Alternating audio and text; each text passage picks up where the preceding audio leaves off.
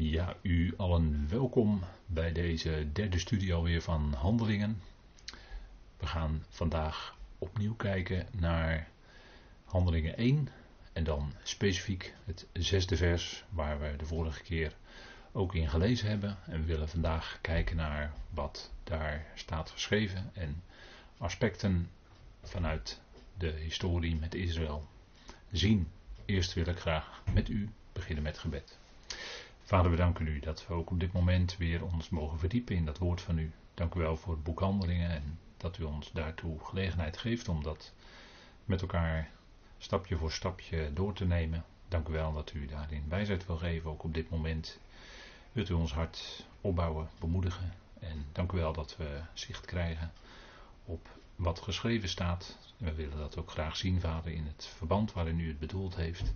We danken u dat u ons daartoe uw geest geeft en wil ons verlichten, zodat we mogen zien wat u bedoelt te zeggen. We danken u voor dit moment wat u ons geeft vandaag. In de machtige naam van uw geliefde zoon. Amen. Goed, wij eh, kijken vandaag 18 september naar handelingen en we gaan met elkaar eens kijken naar dat zesde vers van het eerste hoofdstuk. En daar weten we dat de discipelen met de Heer samengekomen zijn in zijn opstanding. En er staat dan in dat zesde vers, u ziet het hier op deze dia ook afgedrukt, zij dan die inderdaad samengekomen waren, vroegen hem en zeiden, Heer, herstelt u in deze tijd het koninkrijk aan Israël. En dat is een, uh, ja, toch denk ik wel een bijzonder punt, wat we met elkaar willen zien. Koninkrijk. Als we ons afvragen, koninkrijk, maar in Handelingen 1 vers 6, waar gaat het dan om?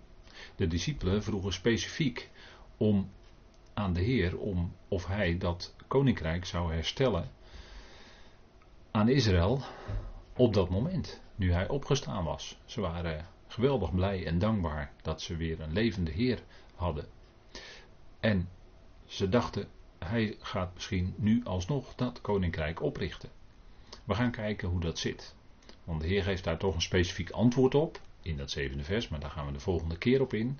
En willen nu graag kijken naar wat, hij, wat er met dat koninkrijk dan bedoeld wordt.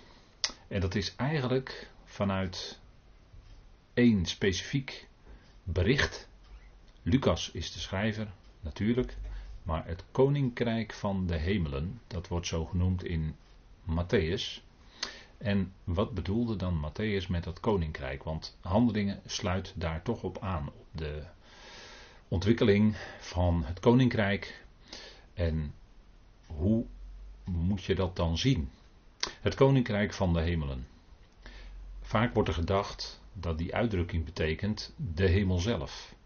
En dan leest men het zo, het koninkrijk, namelijk de hemel. Maar dat is niet het geval. Hè? Het koninkrijk van de hemelen, dat betekent dat het uit de hemelen op aarde komt. die uitdrukking die betekent van, betekent hier dat het de oorsprong aangeeft waar het vandaan komt. Nou, het komt uit de hemelen op aarde. En als we dat in het grotere verband kijken met betrekking tot Israël, dan zijn daar natuurlijk talloze profeten gezonden tot het volk, onder andere Daniel. En in Daniel 2 vers 44 onder andere is dat voorzegd. Maar de hele ontwikkeling is natuurlijk geweest bij Israël dat er eerst richters waren en zij keken om zich heen en ze wilden ook een koning. En toen kwam koning Saul. Toen kwam koning David. Toen kwam koning Salomo. En na Salomo werd het rijk verdeeld in twee en tien stammen. En dan kreeg je in, bij de tien stammen koningen een rij koningen en bij de twee stammen een rij koningen. Maar het als geheel was het dus al verdeeld geraakt. En later ging, ze, ging eerst de tien stammen en nog later de twee stammen in ballingschap. En toen kwamen ze terug uit die ballingschap. Het was in feite het koningschap, de koningenrij was in feite voorbij. En nochtans wordt aan Daniel dan bijvoorbeeld geopenbaard dat in latere tijden dat koninkrijk alsnog zal komen. God had zijn belofte gegeven aan het volk. En hij had gezegd dat van David er iemand op de troon zou zitten. En dat was geen loze belofte. maar dat was een belofte die hij natuurlijk, hè, die God natuurlijk waar gaat maken, die hij gaat doen. En Matthäus sluit dan aan op Daniel. Het koninkrijk is een groot onderwerp in Tenach. Daar zouden we ook heel wat keren over kunnen spreken. Maar goed, we zijn nu bezig met handelingen en het gaat om die verdere ontwikkeling van het koninkrijk. Dat was de vraag van de discipelen. Heer, herstelt u in deze tijd het koninkrijk aan Israël. Nou, Matthäus sluit aan op Daniel.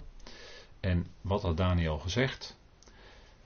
Daniel was aan het hof en hij kon de droom van koning Nebukadnezar verklaren. Die had gedroomd van een groot beeld. En met een gouden hoofd, een zilveren borststuk. U ziet hier het plaatje. Koperen lendenen, ijzeren benen en voeten van ijzer en leem. En dan komt de uitleg van Daniel, Daniel 2 vers 44. En ik beperk me even tot dit vers, want uh, Daniel is natuurlijk besproken in de studies Profetisch Woord, die u ook op de website daad.nl kunt vinden. We zijn nu bezig natuurlijk met openbaring, maar ook Daniel is daarin volledig besproken. Dus u kunt dat allemaal terugvinden. We beperken ons daarom nu tot Daniel 2 vers 44. En er staat, en in hun dagen, dat is van deze koningen, zal de God van de hemelen een koninkrijk oprichten dat voor de eonen niet zal vergaan. Nog zal zijn koninkrijk overgaan op een ander volk. Het zal al deze koninkrijken verpulveren en beëindigen en het zal bestaan voor de eonen. Er waren verschillende koninkrijken in dat beeld aangekondigd. Nebukadnezar zelf was het gouden hoofd, Babel. Zilveren borststuk, het opvolgende. Koperen lenden, het opvolgende. IJzeren, en dat is dan het laatste, dat hard zal zijn. En waarin Daniel ook het nodige nog over gezegd wordt, in latere hoofdstukken. Maar het volk wat hier bedoeld wordt is natuurlijk het volk Israël. Zij hadden de belofte gekregen in Exodus 19 dat zij een koninklijk priesterschap zouden zijn. En die belofte staat nog steeds. Petrus citeert dat in 1 Petrus 2 vers 9. Als hij schrijft aan zijn volksgenoten in de verstrooiing dat zij een koninklijk priesterschap zijn. En dat staat nog steeds. En zij zullen dat koninklijk priesterschap zijn, zij zullen dat uitoefenen in de komende duizend jaren. Waar je ook maar in 20 over spreekt, periode van duizend jaar. Hier wordt al de belofte gegeven, de profetie aan Daniel doorgegeven, dat de God van de hemelen, en u ziet daar tussen haakjes achter staan Eloah, en dat is in feite in het Hebreeuws een uitdrukking die betekent degene die in, naar God toe werkt, en dat is natuurlijk Christus. Die wordt aangeduid met de uitdrukking Eloah, die niet zo heel erg vaak in de schrift voorkomt, uh, regelmatig in het boek Job. Maar dat is eigenlijk een, een, een, de aanduiding van de activiteit van Christus in de eonen. Hij werkt op God gericht. Hè. Eloah, die uitgang A is dan waarts. Hè. God waarts werkt hij. Op God gericht. Nou, de God van de hemelen, Eloah, en dat is dan dus eigenlijk een verborgen aanduiding van Christus, zal een koninkrijk oprichten. En hij was ook gekomen later te midden van zijn volk. Dat voor de eonen niet zal vergaan. Dus de komende eonen zal dat koninkrijk blijven. Nog zal zijn koninkrijk overgaan op een ander volk. Het zal Israël zijn dat regeert. En zal allereerst zal het koninkrijk van de hemelen over het volk Israël, over Israël opgericht worden. Als hij komt. En dat is nog toekomst. Hij was gekomen in zijn vernedering. Nu was hij opgestaan. En nu vroegen de discipelen: Heer, herstelt u in deze tijd het koninkrijk? En de Heer gaat dan antwoord geven op die vraag. Maar hij is natuurlijk wel degelijk de koning. En hij zal later en misschien wel over niet al te lange tijd komen als koning en zijn voeten zetten op de Olijfberg. En dan zal dat koninkrijk ook opgericht worden. Nou, dat is wat Daniel hier aanzegt over het volk. Het zal al deze koninkrijken verpulveren, die dus genoemd zijn in Daniel 2, en beëindigen en het zal bestaan voor de eonen. U weet wel, er werd een grote steen losgemaakt, die rolde van die berg af en die verpulverde dat hele beeld tot en met de voeten en de tenen. En nogmaals wordt er benadrukt het zal bestaan voor de eonen. Dus de komende eonen, en dat zijn twee eonen, die van de duizend jaren en van de nieuwe aarde, zal dat koninkrijk blijven bestaan.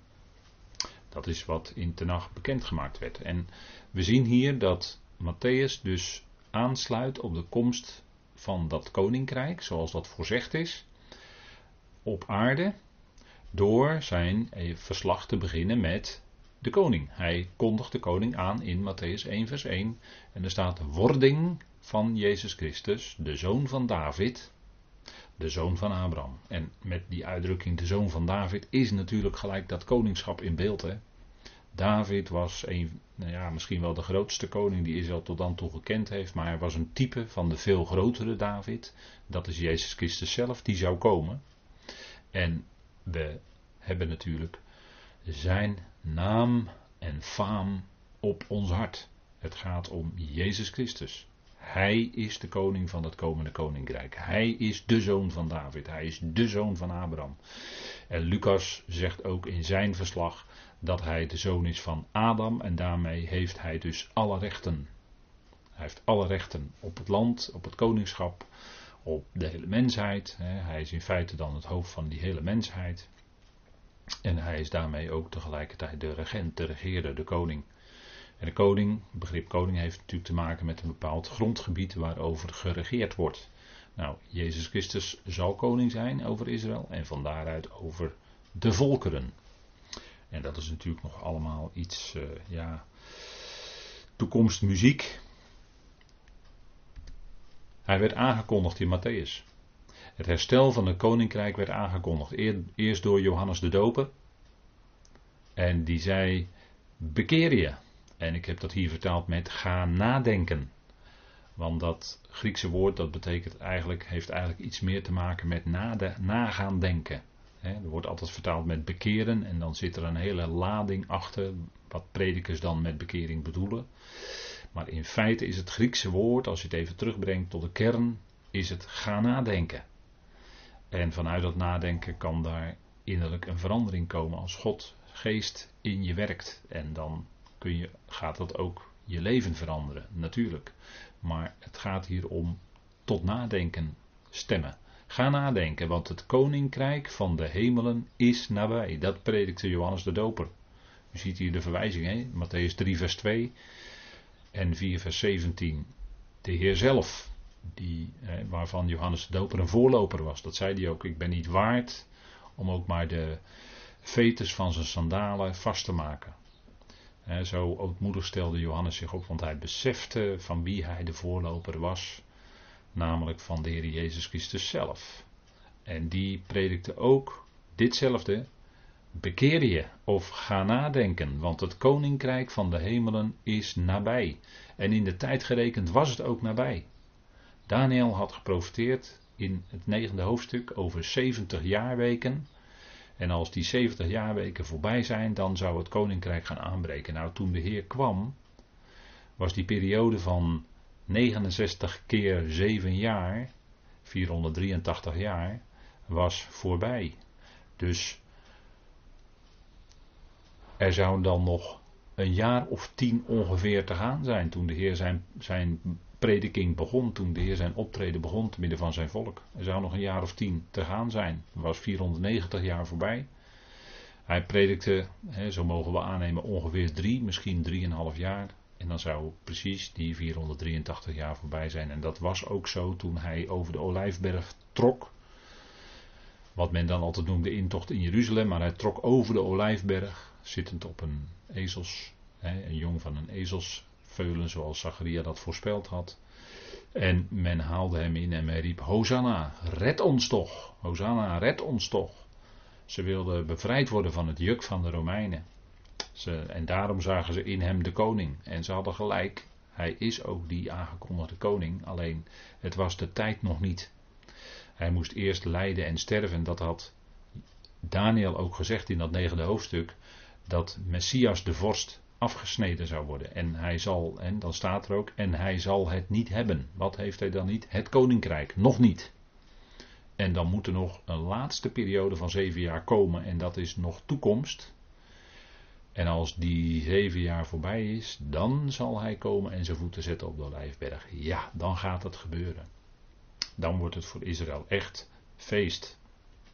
men viert uh, dit komende weekend vanaf vanavond tot en met zondag Rosh Hashanah. Het begin van het jaar 5781 volgens een bepaalde rabbijnse telling. Die dan uh, redelijk breed gedragen wordt binnen het Jodendom. En men zegt dan ook, de rabbijnen zeggen, dat is een uitspraak. En ik geef hem u maar mee voor wat het waard is. In het jaar 5800, en dat is natuurlijk wel een specifiek getal voor uh, rabbijnen binnen het Jodendom. In het jaar 5800 komt de Messias, zegt men. En er zijn ook rabbijnen die de huidige Joodse staat niet erkennen. Er zijn Joodse mensen die dat niet erkennen op grond van het feit dat ze zeggen: eerst moet de Messias komen en pas dan kan er een echt een staat, een, een koninkrijk opgericht worden daarin, in wat nu Israël heet. En wat dat betreft hebben ze natuurlijk gelijk. Ze hebben gelijk. Het koninkrijk kan pas echt komen als de Messias daar is. En, en uh, die is nog niet gekomen. En daar is het uitzien naar. En men, men denkt dan, men zegt dan dat in deze telling dan in het jaar 5800 de Messias komt. Nou, dan zou dat hè, 5781, dan zou dat nu nog 19 jaar zijn. Maar goed, ik geef het u maar door voor wat het waard is, want of dat zo is. De Heer Jezus zegt toch in dat zevende vers van Handelingen 1 tegen zijn discipelen, apostelen: Het is aan jullie niet gegeven de tijden en gelegenheden te weten die de Vader aan zich gehouden heeft. Dus het is uh, eigenlijk niet goed vast te stellen. Hè? Ook niet op grond van wat ik net zei, wat leeft binnen het Jodendom. In ieder geval, de Heer sprak toen al, en Johannes de Doper ook, nabij is het koninkrijk van de hemelen. En het was ook zo. Dat zou nog tien jaar duren, gelet op de berekening van Daniel.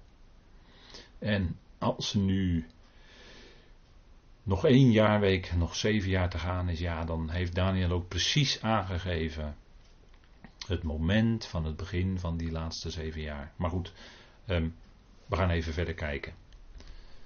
Het overzicht van Matthäus, want we haken nog even aan bij Matthäus. Wat gebeurt er in Matthäus? Wat zien we daar? Dat eerst het koninkrijk en vervolgens de koning wordt aangekondigd. U ziet daar de gegevens, de versen de hoofdstukken waar het om gaat. Eerst het koninkrijk aangekondigd. Nabij is het koninkrijk der hemelen. Dan de koning aangekondigd, vanaf 8 vers 1. En in het tweede deel zien we vanaf 16 vers 21 de koning verworpen. En vanaf 21 vers 1 het koninkrijk verworpen. En dan zien we dus een totale verwerping door met name de Joodse leiders, de orthodoxen, de Joodse leiders van die dagen dat de koning en het koninkrijk verworpen werden. En dat resulteerde uiteindelijk in de kruisiging van de Heer Jezus Christus. Hij kwam bij het Sanhedrin en men had valse getuigen. En dus op, en het was een schijnproces wat gevoerd werd. Hij werd heen en weer gestuurd naar de Herodes en Pilatus en naar het Sanhedrin. Nou, enfin, het is een heel gebeuren. Een ontroerend gebeuren, een, een meeslepend gebeuren. Maar hij werd uiteindelijk veroordeeld en men wilde hem laten kruisigen. En dat is ook gebeurd. Dat is ook gebeurd. En dat was naar de bepaalde. En Petrus zegt dan achteraf, en dat gaan we ook nog zien in zijn toespraak, handelingen 2. Dat het was naar de bepaalde raad en voorkennis van God. Het was niet alleen de voorkennis van God, maar het was ook naar de bepaalde raad van God. Het had te maken met Gods raadsbesluiten. Het moest zo zijn. En achteraf zegt Paulus toch in 1 Korinthe 2 dat als de, hè, als de machthebbers geweten zouden hebben van wat daaruit zou voortkomen, dan hadden zij de Heer van de Heerlijkheid niet gekruisigd. Maar dat was verborgen wat eruit voort zou komen. En dat mocht dan de apostel Paulus later in zijn brieven onthullen bekendmaken. Het, de koning en koninkrijk verworpen.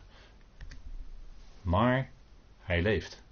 En dat is wat u en ik ook weten. Dat weten wij. Jezus Christus, zijn dood en opstanding, is een feit. De koning leeft weer. En dat bracht natuurlijk geweldige nieuwe hoop en nieuwe verwachting bij de discipelen. Ze konden het eerst eigenlijk niet geloven. Wat? Het graf is leeg? Ach, die vrouwen die hebben het maar gedroomd misschien. Of gehallucineerd. Nee, het was echt waar. Hij is werkelijk lijfelijk opgestaan uit de doden. De koning leeft. En dat is wat hen nieuwe hoop en nieuwe verwachting gaf. En dat is ook wat ons dagelijks doet uitzien na zijn terugkeer. Hij leeft. Hij leeft vandaag. En de apostel Paulus zegt: De Heer is nabij.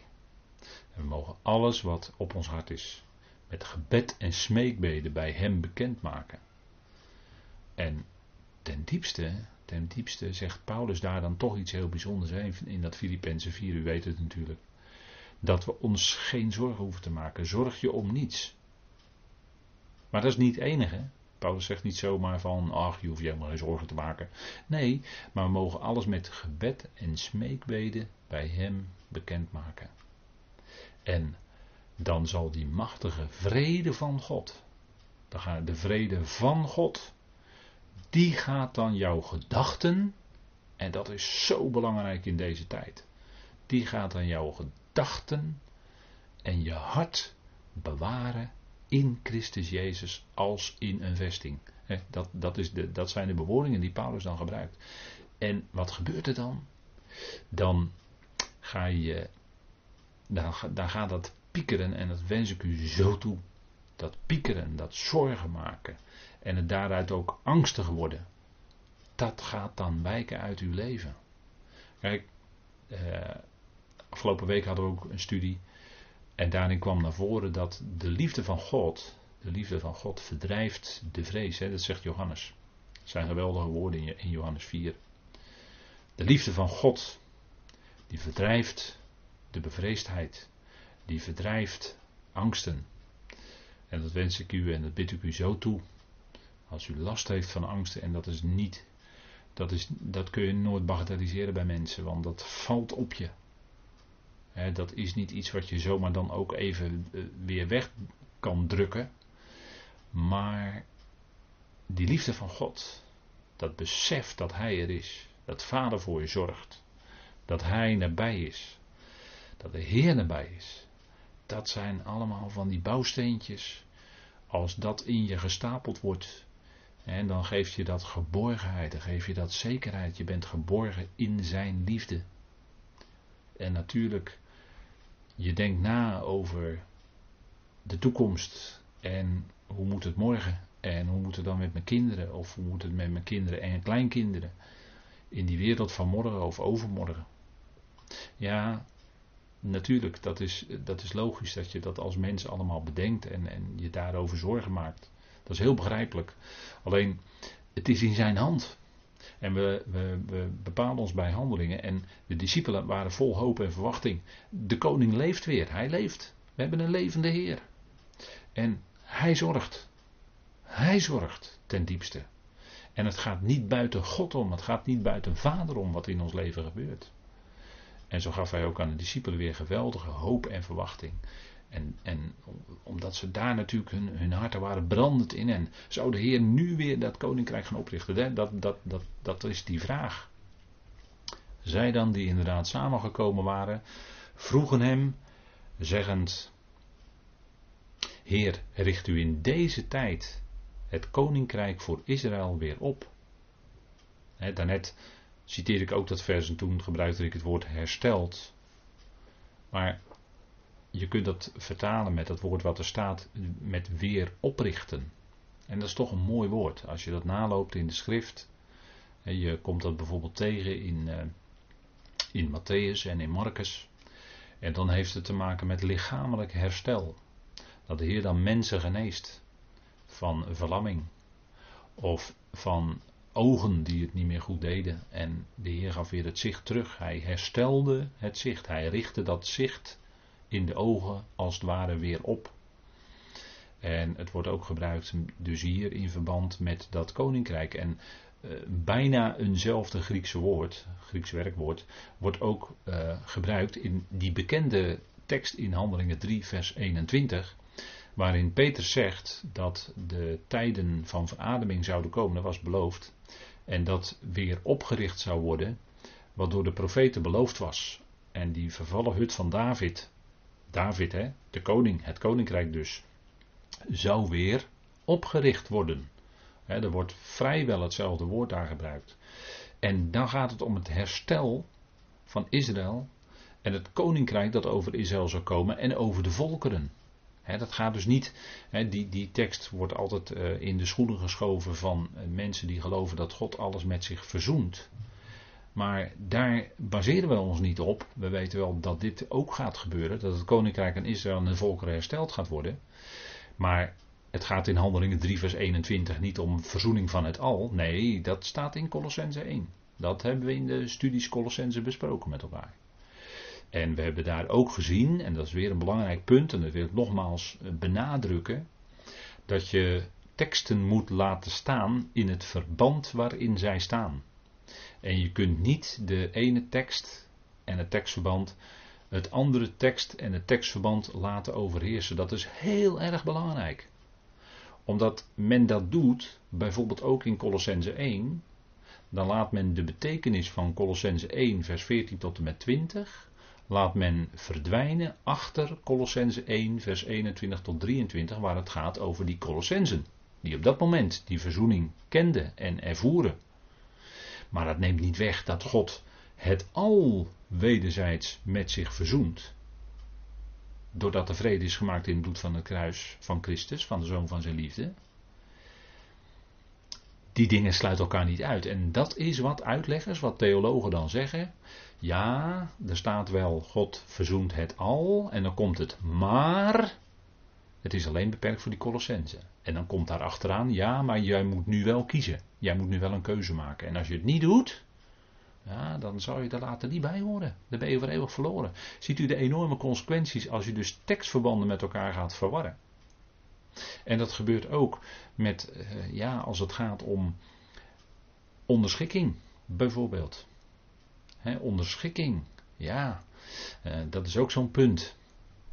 Maar goed, ik, ik, ga er toch niet te, verder op in. Wat, wat, ik net noemde, het punt van onderschikking, dat komt dan nog wel aan de orde als we verderop in handelingen terechtkomen. Hier staat, Heer, dat is de vraag, hè? hun harten waren brandend in hen. En dat is ook bij ons het geval. Heer, zult u misschien vandaag of morgen of overmorgen ook komen? Ja, we weten het niet. dat is aan de, aan de Heer. God bepaalt de tijd.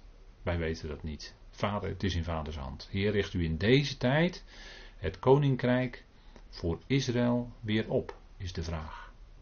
En eigenlijk, hè, waarom sta ik nou zo lang stil bij die vraag? Omdat eigenlijk dat hele boek Handelingen, en dan geven we als het ware al een voorzet, maar dat gaan we allemaal zien. Het hele boek Handelingen geeft antwoord op die vraag. En natuurlijk zegt de Heer in vers 7 al een eerste antwoord dat het aan hen niet gegeven is enzovoort. Daar gaan we de volgende keer dan, hè, volgende week gaan we daar naar kijken met elkaar. Maar als je verder handelingen leest, dan lees je eigenlijk die hele ontwikkelingsgang van dat koninkrijk. Hoe is dat nou gegaan? Dat is eigenlijk het hoofdthema van het hele boek Handelingen, zou je kunnen zeggen. En dat gaan we allemaal zien. Wat ik nu zeg is het resultaat van studie van handelingen, van het hele boek. Maar ik geef u alvast de voorzet. Handelingen geeft antwoord op deze vraag. En ja, eh, daarna zou de Heer, hè, niet lang daarna, want hij had veertig dagen met hen gesproken over de dingen die het koninkrijk van God betreffen. Hè. Hij had niet alles gezegd, zeker niet, maar hij had behoorlijk wat aspecten met hen besproken in die veertig dagen. Maar nog niet alles. Later zou die door de apostel Paulus nog meer bekend gaan maken. Ook, ja, ook over dat koninkrijk. En hoe dat uiteindelijk zal zijn. Dat koninkrijk van de Messias. En Paulus werd bekendgemaakt dat Jezus Christus niet voor altijd, niet voor eeuwig zal regeren. Nee, hij zal regeren in de komende eonen. En uiteindelijk zal hij dat koningschap aan de Vader overdragen. 1 Korinthe 15. Paulus mocht dus het verst kijken van alle apostelen. Ook verder dan bijvoorbeeld de apostel Johannes die openbaring mocht opschrijven. Maar de apostel Paulus mocht nog verder kijken. Dat is niet omdat we Paulus op een voetstuk zetten of dat Paulus. Nee, God behaagde het om via de apostel Paulus dat bekend te maken. En wij volgen dat evangelie wat geldt voor deze tijd, het evangelie van de apostel Paulus. Anders niet. Het evangelie van de besnijdenis, dat is voor de besnijdenis. Dat volgen wij niet. Dat is wel leerzaam en we trekken daar bij gelegenheid onze lering uit, maar dat is voor ons niet het onderricht. Het onderricht voor ons is wat Paulus in zijn brieven schrijft. En dat bedenken we steeds als we ook het boek Handelingen bespreken. Die lijnen, die lopen daar in de schrift en we willen die lijnen die de schrift uit elkaar houdt ook graag volgen. Zodat we die lijnen ook zelf in ons leven goed onderscheiden en uit elkaar kunnen houden. De Heer zal zijn koninkrijk gaan oprichten voor Israël. Ja, dat is wat mij betreft redelijk dichtbij. Maar nogmaals, het is aan de Vader. Die heeft de tijden in zijn hand. En dat geldt ook voor ons persoonlijk. Hè? Dat zegt die psalmist, hè, die bekende tekst. Maar ik wil toch even de nadruk leggen op de Hebreeuwse volgorde. In uw hand zijn mijn tijden, Vader. En daarvoor zullen we Hem nu danken. Vader, dank u wel dat we op dit moment mogen beseffen dat u bent die alle tijden in uw hand heeft. Ook van ons persoonlijk leven. Wat ons wedervaart, wat ons vandaag of morgen overkomt, Vader, het gaat niet buiten u om. Dank u wel daarvoor. Dank u wel dat het uw liefde is. Dat ook als er tegenslag in ons leven is, dat, het, dat dat geen tekenen zijn van uw misnoegen. Nee, u heeft ons lief. En uit die tegenslagen beseffen we, ja, we hebben vader, we hebben u zo hard nodig, vader, voor alles van ons leven. We kunnen niet zonder u. En dank u wel dat u ook door uw liefde en door wat u zegt en ook aanreikt wat we kunnen doen met gebed en smeking, met dank, met dank, de dingen bij u bekendmaken, vader. En dan gaat die machtige vrede van u in ons hart regeren. En dan maken we ons ten diepste geen zorgen meer. Omdat we beseffen dat u zorgt. Dank u wel daarvoor. Dank u wel voor dit moment waarin we ons mochten verdiepen in weer een stukje van handelingen. En dank u wel dat we dat zo elke keer weer even mogen doen met elkaar. Dank u dat u dat geeft. Vader, wij loven, prijs en danken u. In de machtige naam van uw geliefde zoon. Amen.